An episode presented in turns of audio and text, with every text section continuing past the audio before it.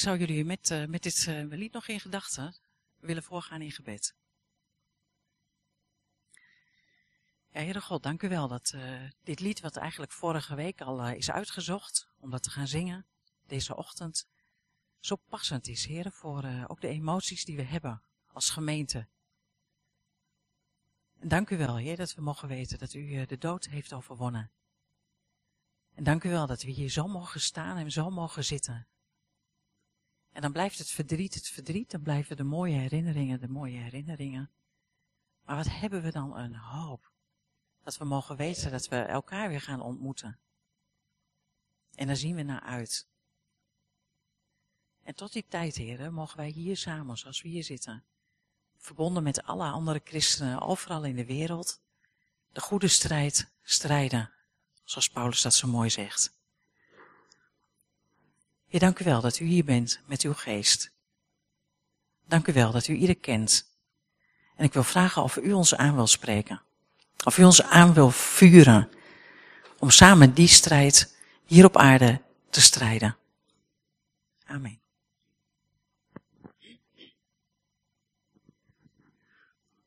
De goede strijd strijden. Een paar weken terug mocht ik het eerste gedeelte van, uh, van deze preek uh, geven en nu het tweede gedeelte uh, strijden. Eigenlijk zou je kunnen beginnen met strijden of afhaken.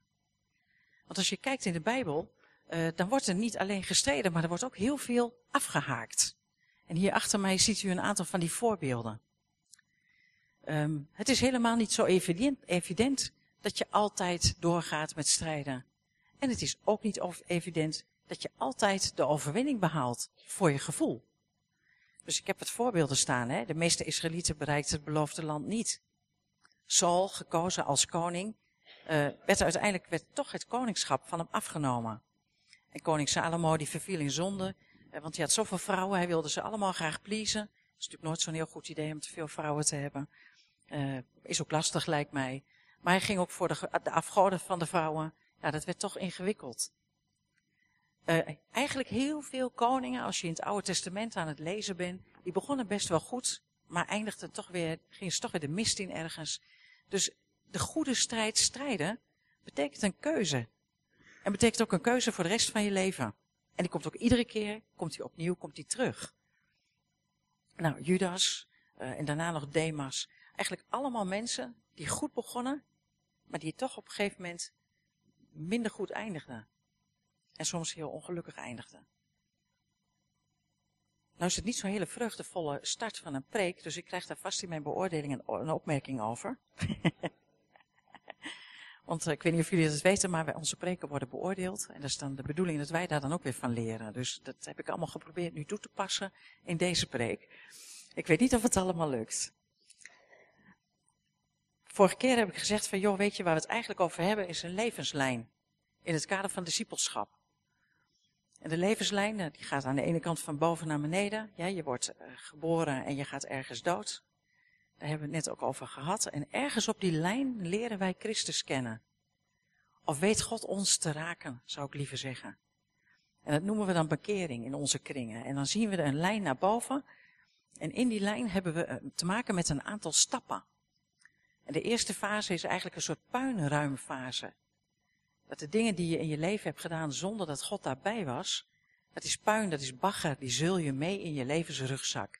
En daar mag je afscheid van nemen. Dat hebben we gedaan. En de tweede fase is dat je een bewuste keuze maakt voor discipelschap. Ik weet niet of je het nog kunt herinneren. Ze hebben allemaal gebieden waar je discipel in zou kunnen zijn. Hebben we op een rij gezet. En we hebben gekeken van, hé, hey, waar hebben wij nog stappen te maken? Omdat juist die gebieden waar we de stap niet maken om discipel te zijn, daar zijn we zo makkelijk op aan te vallen. En vervolgens hebben we het gehad over volwassen worden. En pas na dat volwassen worden hebben we het gehad over geestelijke strijd. En daar ben ik een paar weken geleden mee begonnen. En het was echt te veel stof. Dus dit is deel 2. En dit is eigenlijk het Bijbelgedeelte wat ik erbij wil uh, lezen. Eigenlijk twee gedeelten, de andere komt halverwege. Maar in dit alles, dus in al die strijd die hoort bij Christen zijn, in, in dit alles zijn wij meer dan overwinnaars door Hem. Die ons, die ons heeft liefgehad. dus in dit alles zijn we meer dan overwinnaars door Hem die ons heeft liefgehad. Ik zeg het bewust, omdat er ook, soms leg je de nadruk op, in dit alles zijn wij meer dan overwinnaars. Nee, we zijn alleen meer dan overwinnaars in Hem, door Hem, die ons heeft liefgehad. Want ik ben verzekerd dat nog dood, nog leven, nog engelen of machten, gaan we het ook over hebben vandaag, nog heden of toekomst, krachten, hoogte of diepte, of enig andere schepsel ons zal kunnen scheiden van de liefde van God. Die is in Christus Jezus, onze Heer. Dat is opofferende liefde, reddende liefde, levenbrengende liefde. En daar mogen wij van overtuigd zijn. En dat is eigenlijk het uitgangspunt. Want een van de feedbacken die je kreeg op het vorige preek was, het lijkt wel alsof je in eigen, hè, alsof je zelf dingen moet gaan doen. Ik dacht, nou, als dat, als dat over is gekomen, dat is niet wat ik bedoeld heb. Want dit is de bedoeling. Zijn in Christus en vanuit die zijnspositie weten, wij mogen meer dan overwinnaar zijn door Hem. Nou, als we het dan hebben over die geestelijke strijd, hebben we dat eigenlijk verdeeld in vier dingen. Het zijn, het zijn inspanningen. Geestelijke strijd is niet leuk. Het is niet iets waarvan je denkt, s morgens vroeg van, hé, gezellig. We gaan de geestelijke strijd eens even in vandaag. Dat is het niet. Het is een hele bewuste keuze, een inspanning van gelovigen. En die doen we in de kracht van Gods geest, dus niet uit eigen kracht. Uh, gewoon omdat Gods geest in jou woont. En dan, wat wil je dan? Je wil graag die invloed van het koninkrijk van God, wil je bevorderen. Wil je groter maken. In de theologie noemen we dat het reeds en het nog niet. Jezus zegt al, het koninkrijk van God is nu. Dat is nu onder jullie, zegt hij, reeds. Maar wij leven in de tijd van het nog niet. Het is er wel, maar het is nog niet maximaal gerealiseerd. Dus we zitten in een tussenfase. Maar in die tussenfase hebben we dingen te doen. En we willen eigenlijk die invloed van het koninkrijk van God, die willen we bevorderen. Terwijl we eigenlijk de invloed van Satan kleiner willen maken. En we weten dat dat voor ons een ongelijke strijd is. Maar gelukkig is God meer dan overwinnaar. Dus hij is Heer. En dat moeten we weten. En dat is het grote geheel. Maar het kleine geheel, daar hebben we het vorige keer vooral over gehad, dat is dat het ook gaat over jouw leven. Dat het ook gaat over de wereld om je heen. En dat we daar diezelfde inspanning te leveren hebben. En ook, ook dat is weer een keuze. En die maak je of die maak je niet. Maar eigenlijk kan dat niet wat ik nu zeg. Want jullie blijven allemaal keurig zitten in je stoel. Ik had gehoopt dat er nu iemand op zou springen en zou zeggen, ja maar Maya, zo werkt dat toch niet? Nee, want zo werkt dat ook niet. Heb je, heb je een plaatje bij een leger? Ik heb geen filmpje gedaan, want ik vind al die filmpjes die zijn dan weer gelijk zo militaristisch. Dat wil ik dan ook weer niet, want daar sta ik niet zo voor. Maar als je militairen ziet samenwerken, dan is dat een geoefend geheel. Ze vertrouwen blindelings op elkaar. Iedereen weet wat hij moet doen. Iemand valt, je trekt hem op. Uh, dat gebeurt niet door de mensen achterin of voorin, die dan gaat teruglopen. Uh, nee, de mensen eromheen, die pakken hem op. Uh, de leider weet dat hij moet leiden. De achterhoede weet dat ze achterhoede zijn. Het gaat niet door elkaar lopen. Als je het ziet, is het bijna iets om jaloers op te zijn. En als ik dat dan vergelijk met ons als christenen, dan zitten wij ook in die strijd. Dan zijn wij ook een leger van christenen met elkaar. En wij mogen samen dat stukje strijd strijden. We mogen samen om de mensen heen staan. We mogen samen met elkaar de schouders eronder zetten. En dan moeten we wel weten wat onze plek is. Want als we dat niet weten, gaan we allemaal als kippen zonder kop door elkaar heen rennen. Of wat je ook wel ziet, we doen helemaal niks, hè? Want we denken, ach, dan zal iemand anders dat wel doen. Ja, die heeft het wel moeilijk. Er zal wel een broeder met hem gaan bidden. Weet je wat ik nou zo leuk vond? Wij kwamen in het huis. En we hebben inderdaad een, eh, het huis gekocht. Het is rond. En toen lag daar een kaart van iemand uit de gemeente uh, van Harm en Jolanda. Dus de eerste post die we daar kregen, we, nou, we hadden nog niet eens getekend en toen zagen we die, die brief daar al liggen. Weet je wat voor gevoel dat ons gaf? Wat denk je? Het is welkom, het is thuis, maar je weet ook, hé, hey, zij hebben meegeleefd met dat hele traject daaraan voorafgaand. En dat doet wat met je. Dan denk ik, hé, wat fijn, wat heerlijk. Ik zal ze straks even zoenen, hè, want maar, maar ik vind het ook een getuigenis, weet je, wat we net zongen. Ik heb de tekst gauw even op zitten schrijven. U regeert, ik beleid het met mijn mond en mijn leven getuigt dat u Heer bent. Is ons leven zo dat het daarvan getuigt? Is jouw en mijn leven zo dat mensen naar ons kijken en zeggen, hé, hey, ja, in, in, in het leven van jou of van Maria, daar is God Heer. Zien ze dat? Nou, daar hebben we allemaal eigen invulling bij. Maar als wij de geestelijke strijd voeren, kan dat niet anders dan wanneer we dat doen vanuit de wetenschap. God is Heer, Hij stuurt jou en mij aan. En dat mag. Want ik kan natuurlijk niet halverwege zeggen tegen mijn maarschalken, ik noem maar wat van, ja maar hier heb ik geen zin in. Ik ga toch niet door de modder lopen kruipen, dat ga ik echt niet doen. Dat ga ik echt niet doen. Daar moet u echt iemand anders voor hebben. Nee, zo werkt het niet. Leger gaan strijden. En dan doe je gewoon je ding. En dat doe je, nou, vorige keer hebben we het daarover gehad, ga ik niet heel veel meer over zeggen. Je hebt een innerlijke geestelijke strijd. En weet je, die hebben jullie allemaal, als het goed is. Er zit hier niemand die nooit innerlijke strijd heeft. En als je dat realiseert, dan, dan kom je misschien ook gelijk een beetje dichter bij die ander. iemand die zei een keer van ja, maar die persoon die heeft het allemaal zo goed op orde. Ik zeg, joh, weet je, iedereen heeft strijd. Ook die persoon die het voor het oog zo goed op orde heeft. En als je dat weet, kun je ook naar elkaar uitreiken. En we hebben het dan over leugens. Een verdedigingsstrijd tegen leugens die tegen je verteld worden, waar je in gaat geloven. Ja, wat even werd gezongen, hè? of ben ik een grote domoor?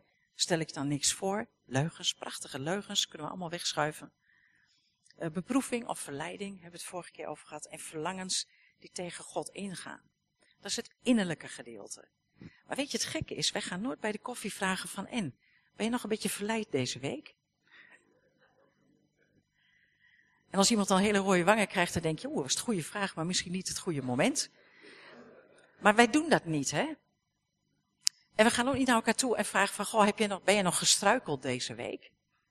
Of heb je de overwinning behaald deze week? Dat doen wij niet. Dat is eigenlijk heel gek.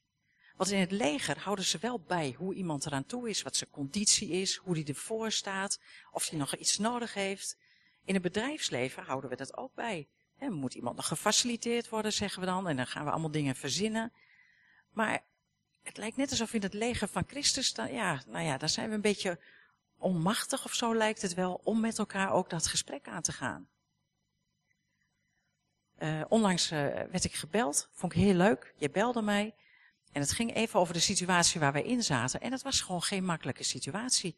En ik had van iedereen een telefoontje verwacht, behalve van jou.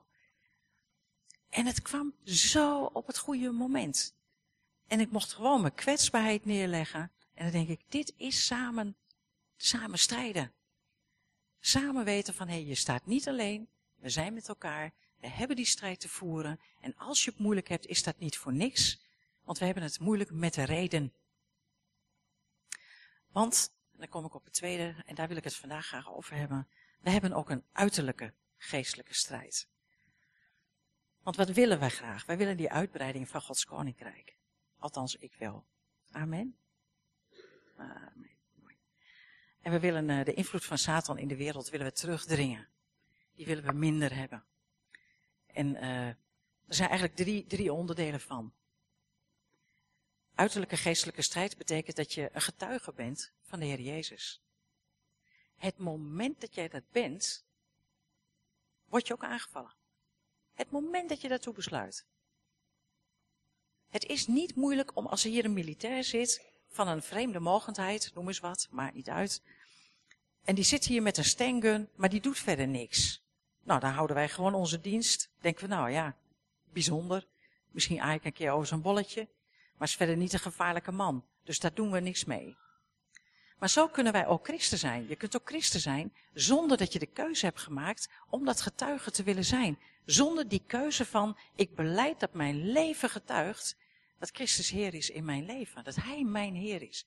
Het moment dat je dat wel besluit, maak je deel uit van het actieve, mag ik het zo zeggen? Het actieve leven, leger van God.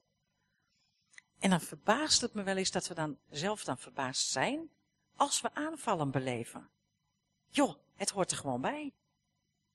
Iemand vroeg ik eens een keer in een preek tegen uh, waar ik dan naar luisterde van joh, als jij geen aanvallen beleeft kun je je afvragen of je nog wel een actieve soldaat bent. Nou, vond ik wel een mooie vraag. Nou, wat is het dan getuigen van Jezus? Zending, evangelisatie. Maar vergis je niet, hè, de predikanten in kerken, uh, de mensen die voor christelijke politiek staan, christelijke omroepen, noem maar op. Joh, dat zijn mensen die staan in die geestelijke strijd en ze staan aan de frontlinie. christelijke tehuizen, christelijke, noem maar op. Mensen die ergens zoeken naar het koninkrijk van God om dat realiteit te laten zijn in het leven. En dan is mijn volgende vraag, als we zeggen dat we dat samen doen, dat strijden, bidden we dan voor die mensen? En als jij zelf hiermee bezig bent, vraag je dan ook gebed? Want je kunt het niet alleen, hè, die strijd. Ja, die met ons is, is meer dan die in de wereld is. Maar je hebt elkaar nodig. Anders ga je de oorlog niet winnen. En het tweede is dat we weerstand willen bieden tegen aanvallen. En die aanvallen zijn gericht op Gods volk. Nou, daar kun je een heleboel meningen over hebben en die hebben we in christelijk Nederland. Maar de aanvallen op Gods volk zijn in mijn beleving heel duidelijk. Uh, daar willen we wat tegen doen. En we willen wat doen tegen de machtspositie op aarde. En hoe doen we dat? Onlangs nog, hè? Bij Iduna hebben mensen lopen bidden. En zijn in gesprek gegaan. Gewoon in gesprek gaan. Niet vanuit de veroordeling, maar vanuit van, hé, hey, maar dit is ons getuigenis wat we hebben. En Jezus wil Heer zijn, ook over jouw leven. En dan hoop je altijd dat we dat op de goede manier doen. Hè, dat we niet uh, God in de, in de weg lopen. Maar hebben we gebeden voor deze mensen die dat gingen doen? Want die gingen, die gingen wel het strijdveld op. Geweldig dat ze dat deden. Kwade invloeden in de samenleving weren. Uh, je kunt van alles vinden van uh, de, de, grote beurzen. Hè? Gerlof heeft het daar ook over gehad, de spiritualiteitsbeurzen. Je kunt er van alles van vinden. Uh, maar zijn wij daar te vinden? Hij wel, hè? Ik vond het een mooi verhaal dat hij daar te vinden was. En gewoon met de mensen praten. Vertelde wie de Heere God voor hun wilde zijn. En eigenlijk ervan uitging van, hé, hey, mijn macht, mijn leger, of eigenlijk de God die in mij is, is meer dan wat, alles wat jullie verder dienen. Het is een stukje geestelijke strijd. En die moeten we samen, die moeten echt samen knokken. En dan hebben we nog de schade toebrengen aan het koninkrijk van Satan door zijn activiteiten tegen te werken. Nou, het liep een beetje in het verlengde van wat ik net zei. Ook dat is een keuze. En ik merk, en als het, als het niet over jou gaat, hè, wie de schoen past, trek hem aan hoor. Maar ik merk dat heel veel mensen zeggen, ja, maar weet je, zo is de wereld nou eenmaal. De wereld is zo, maar ja, daar kun je allemaal niks mee aan doen. Kunt je daar allemaal wat druk over maken, maar heeft toch geen zin. Dus laat maar joh. Nou, dan zitten we hier met z'n allen, als militairen, niks te doen. Maar daar zijn we niet toe geroepen. Wij zijn geroepen tot een stukje actief deelnemen aan die strijd. Aan die uiterlijke strijd. Aan herkenbaar zijn. Zijn wij, zijn, zijn jullie, zijn, ben ik herkenbaar als christen? Of denken de mensen van alles en nog wat, maar hebben eigenlijk helemaal niet door voor wie wij, voor wie wij staan? Dat is eigenlijk een basisvraag hè, die ik maar even bij jullie neer wil leggen.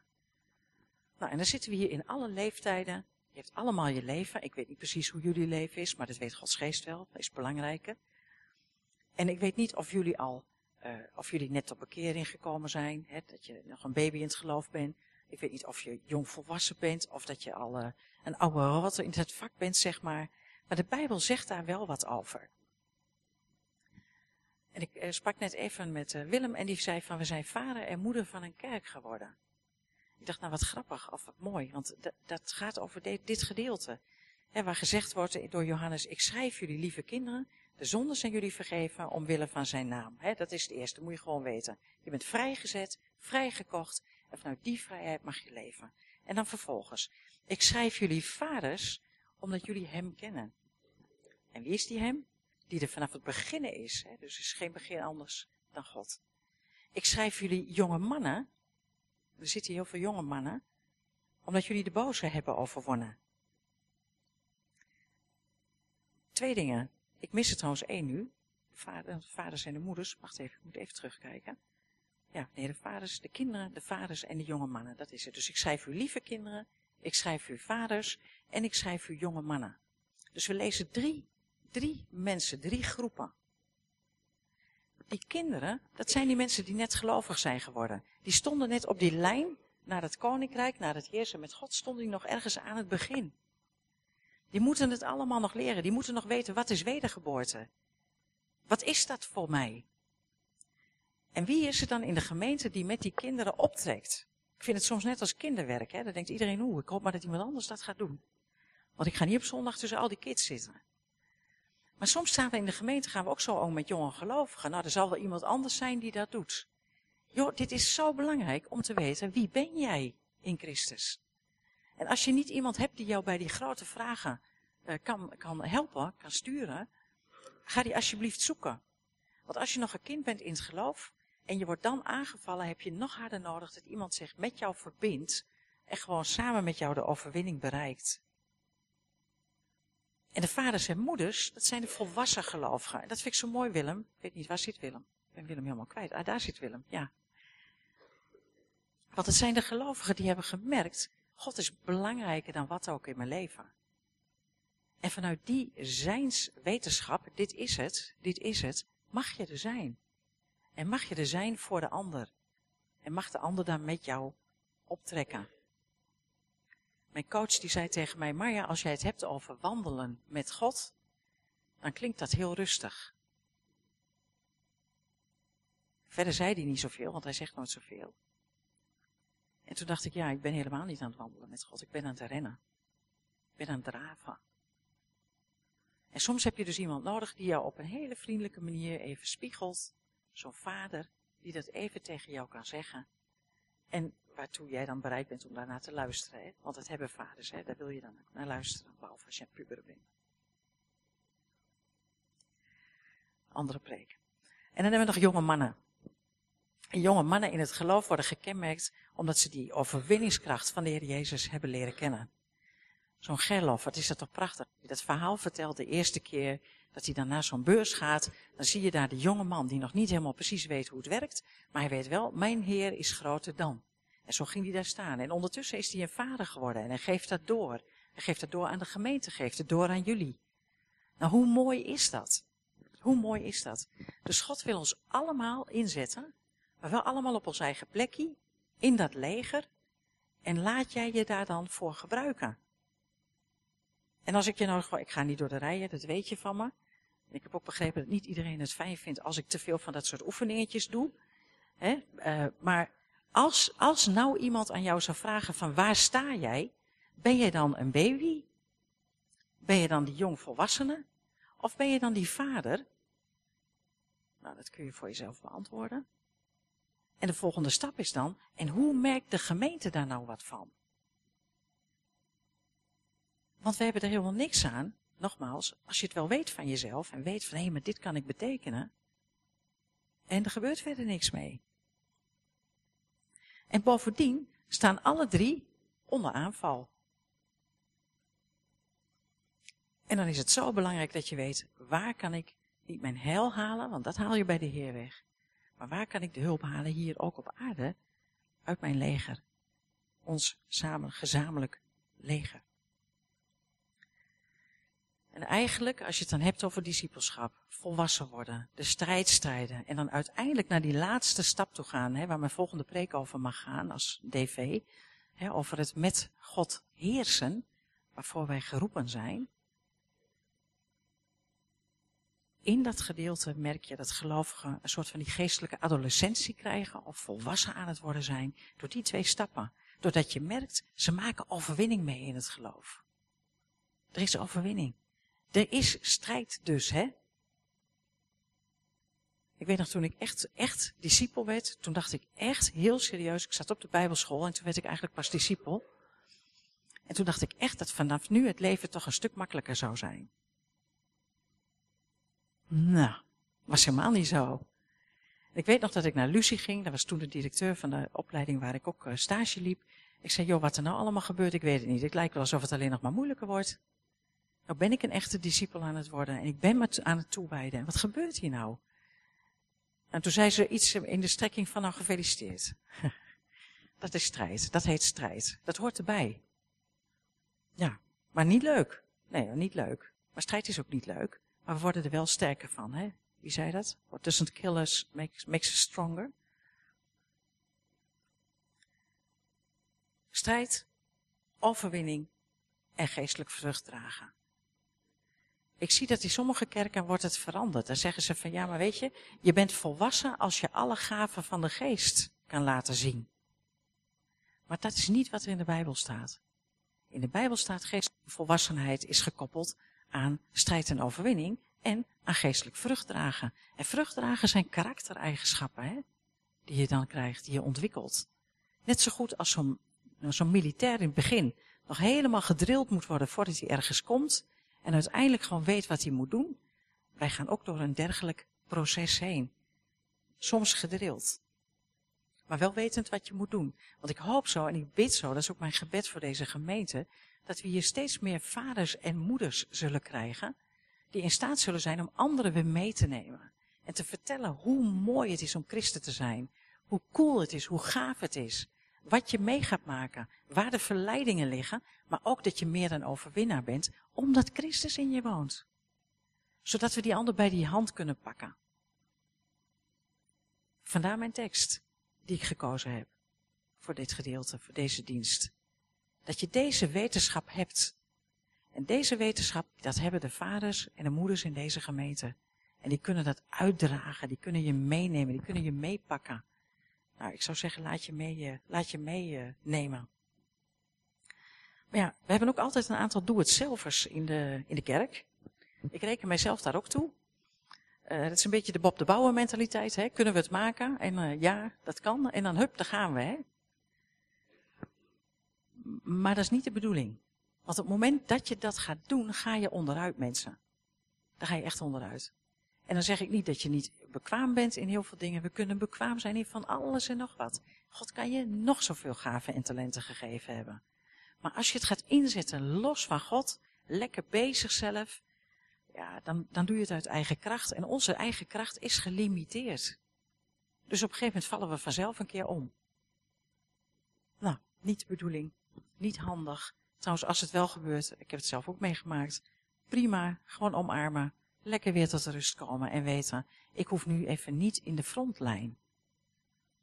Want dat is de andere, hè, van even lekker bezig. Dat de christenen zijn die zo gedreven zijn, die aldo maar, kennen jullie die vogels die naar het zuiden vliegen? Die vliegen naar in zo'n vee, hè? Dat hebben jullie wel eens gezien, denk ik. En nu komen ze allemaal terug. Maar goed, hè, ze gaan naar het zuiden. Als ze naar het zuiden gaan, dan vliegen er altijd een paar voorop, hè? Die kwetteren heel hard en die geven door wat ze aan het doen zijn. Maar op een gegeven moment gaan die terug. Die gaan naar de, naar de back row, naar de achterkant. En dan gaan er weer anderen voorop. En dat is, ook, dat is ook strijd. Strijd is niet dat je altijd voorop hoeft te lopen, maar dat je soms ook weer even in de luwte mag. Alleen je moet het wel even van elkaar weten. Je moet het wel doorgeven aan elkaar. En dan hebben we die wapenrusting van God. En kunnen we vanuit die kracht, de kracht van God, wel degelijk die strijd aan. De drie G's. Misschien kennen jullie ze wel. Ik vind de wapenrusting van God prachtig, ook weer een andere preek. Maar als wij het hebben over leven in deze wereld, maar niet vechten met de wapens van deze wereld, is dat voor ons een hele lastige. Want het is veel makkelijker om ook bot te zijn als iemand bot tegen jou doet. En als iemand jou aanvalt om even terug aan te vallen. En als iemand jou onderuit haalt om filijne opmerkingen te maken onderhuids. Om die ander ook even onderuit te halen. Maar hier staat dat, dat dat dus niet de bedoeling is. Dus niet vanuit die, diezelfde houding, ook al ben je er nog zo goed in. Nee, niet de bedoeling. Maar vechten met andere wapens. De wapens die God aanbiedt aan ons. En dat zijn de drie. Dat is je geloof in God. Geloof in Christus. Weten wie je bent. Dat is de autoriteit die je daardoor hebt. realiseer je dat, dat als jij ergens binnenkomt, dat je dan binnenkomt met eigenlijk met God achter jou. Loop jij ergens binnen? Ik wil het niet allemaal overgeestelijk maken, maar dat is wel wat er gebeurt. Want God zit in jou. Psalm 139, God is om jou heen. Je staat nooit alleen, waar jij ook staat. En we hebben het gebed om alle situaties, elk verdriet, elke pijn, elke ziekte, om die bij God te kunnen brengen. Kortom, we zijn tot de tanden door God bewapend. Het is alleen een kwestie van het gaan gebruiken en het uh, gaan inzetten. En wat gebeurt er dan? Verander je dan in een heilige? Krijg je een halo, zo'n cirkeltje? Uh, ga je zweven? Uh, ga je, nou noem maar op, weet ik veel. Nee, dat gebeurt allemaal niet. Maar je bent wel vrij. En voor mij is vrijheid een van de allerbelangrijkste dingen. Dat vind ik, het, dat vind ik de, de kern van het christelijk geloof is dat we worden vrijgezet.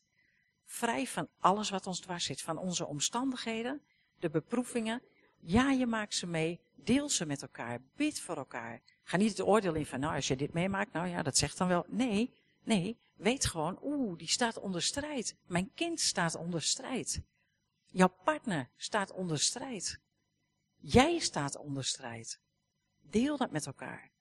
Zodat als je de beproevingen deelt, je dat samen bij God kan brengen. En in geloof weten, dit gaat uiteindelijk medewerken ten goede. Omdat we geloven. We krijgen vrijheid van al onze verlangens. Dat kan best wel gek klinken. Maar als ik terugkijk, dan zie ik dat ik uh, toen ik nou pak een beetje 18 jaar was, echt andere verlangens had dan die ik nu heb. Dus daar zit een groei in, daar zit een ontwikkeling in. Het gaat niet altijd snel genoeg, maar aldoende leren we. En we zijn vrij van allerlei leugenachtige ideeën in de wereld. Daar hebben we het vorige keer over gehad. Hè? Dat de wereld je probeert wijs te maken dat je bent wat je hebt. Dat je bent wat je doet. Dat je bent wat de mensen over je zeggen. En dat Christus zegt nee. Je bent een zoon, je bent een dochter van de Allerhoogste van mij. Ik geef mijn autoriteit aan jou en jij mag gaan. Vrijheid. Vrijheid is niet iets wat je alleen maar met elkaar moet delen. Vrijheid moet je eigenlijk proclameren. Dus ik zou de muziekgroep naar voren willen halen om aansluitend gelijk een lied te zingen. Ik zou ons willen gaan vragen om te gaan staan zover dat kan. En dan uh, gaan we proclameren, dat doen jullie wel vaker toch? In je stille tijd.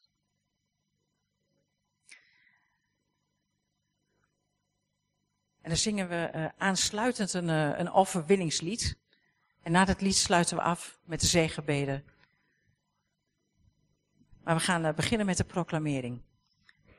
Proclameren jullie met me mee? Ik ben voor eeuwig vrij van veroordeling. Ik ben verzekerd dat alle dingen medewerken ten goede. Ik ben vrij van alle aanklachten tegen mij. Ik kan niet worden gescheiden van de liefde van God. Ik ben bevestigd, gezalfd en verzegeld door God. Ik ben verborgen met Christus in God. Ik ben verzekerd dat God het goede werk zal afmaken in mij. Ik ben een burger van de hemel. Ik heb geen geest van angst, maar van kracht, liefde en bezonnenheid.